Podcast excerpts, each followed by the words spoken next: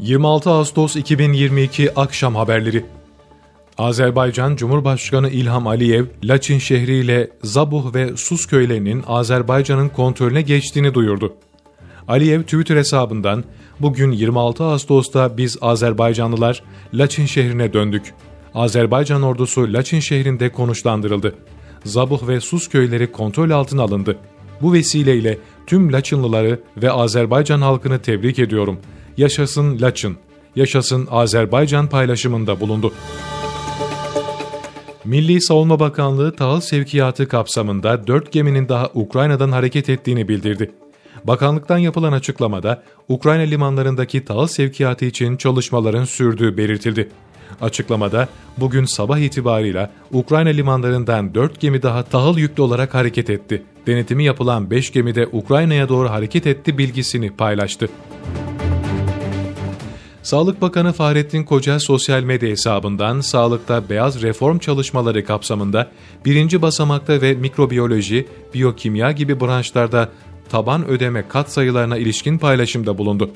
Bakan Koca, birinci basamak sağlık kuruluşlarında taban ek ödeme kat sayısının 0,5 olarak görünmesinin sonucunun 0,5 ile sınırlı olduğu anlamına gelmediğini, aksine temel görevini yapan her sağlık çalışanının bu kat sayıyı bire tamamlamış olduğunu bildirdi.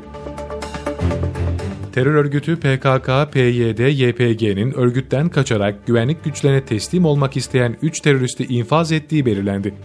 İçişleri Bakanlığı koordinesinde Jandarma Genel Komutanlığı ve Emniyet Genel Müdürü tarafından yürütülen ikna çalışmaları neticesinde 1 Ocak'tan bu yana 74 örgüt mensubu güvenlik güçlerine teslim oldu.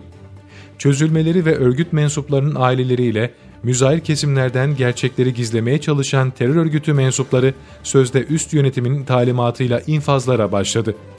Terör örgütünün bu infazları perdelemek içinse öldürülen teröristleri ajanlık yapmakla suçladığı tespit edildi. Milli Savunma Bakanlığı Fırat Kalkanı bölgesinde 6 PKK-YPG'li teröristin etkisiz hale getirildiğini bildirdi. Bakanlıktan yapılan açıklamada teröristler için kendini bekleyen sondan kaçış yok. Fırat Kalkanı bölgesinde tespit edilen 6 PKK-YPG'li terörist ateş destek vasıtalarıyla etkisiz hale getirildi. Operasyonlarımız hız kesmeden devam edecek ifadelerine yer verildi.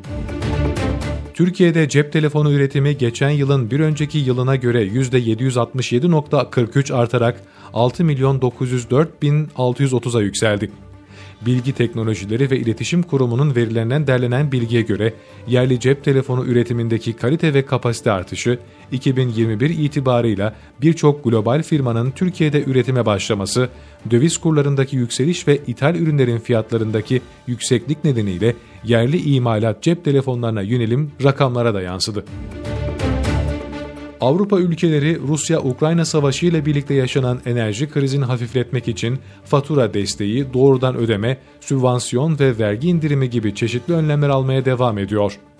Rusya-Ukrayna savaşı küresel ekonomiyi olumsuz etkilerken Uluslararası Para Fonu ve Dünya Bankası gibi dünyanın önde gelen ekonomik kurumları savaşın etkisiyle ekonomik büyümenin yavaşlayıp yüksek enerji ve gıda fiyatlarıyla enflasyonun artacağı uyarısında bulunuyor. Avro bölgesinde yıllık enflasyon, savaşın körüklediği gıda ve enerji maliyetlerindeki büyük artışın da etkisiyle %8.6'ya ulaştı.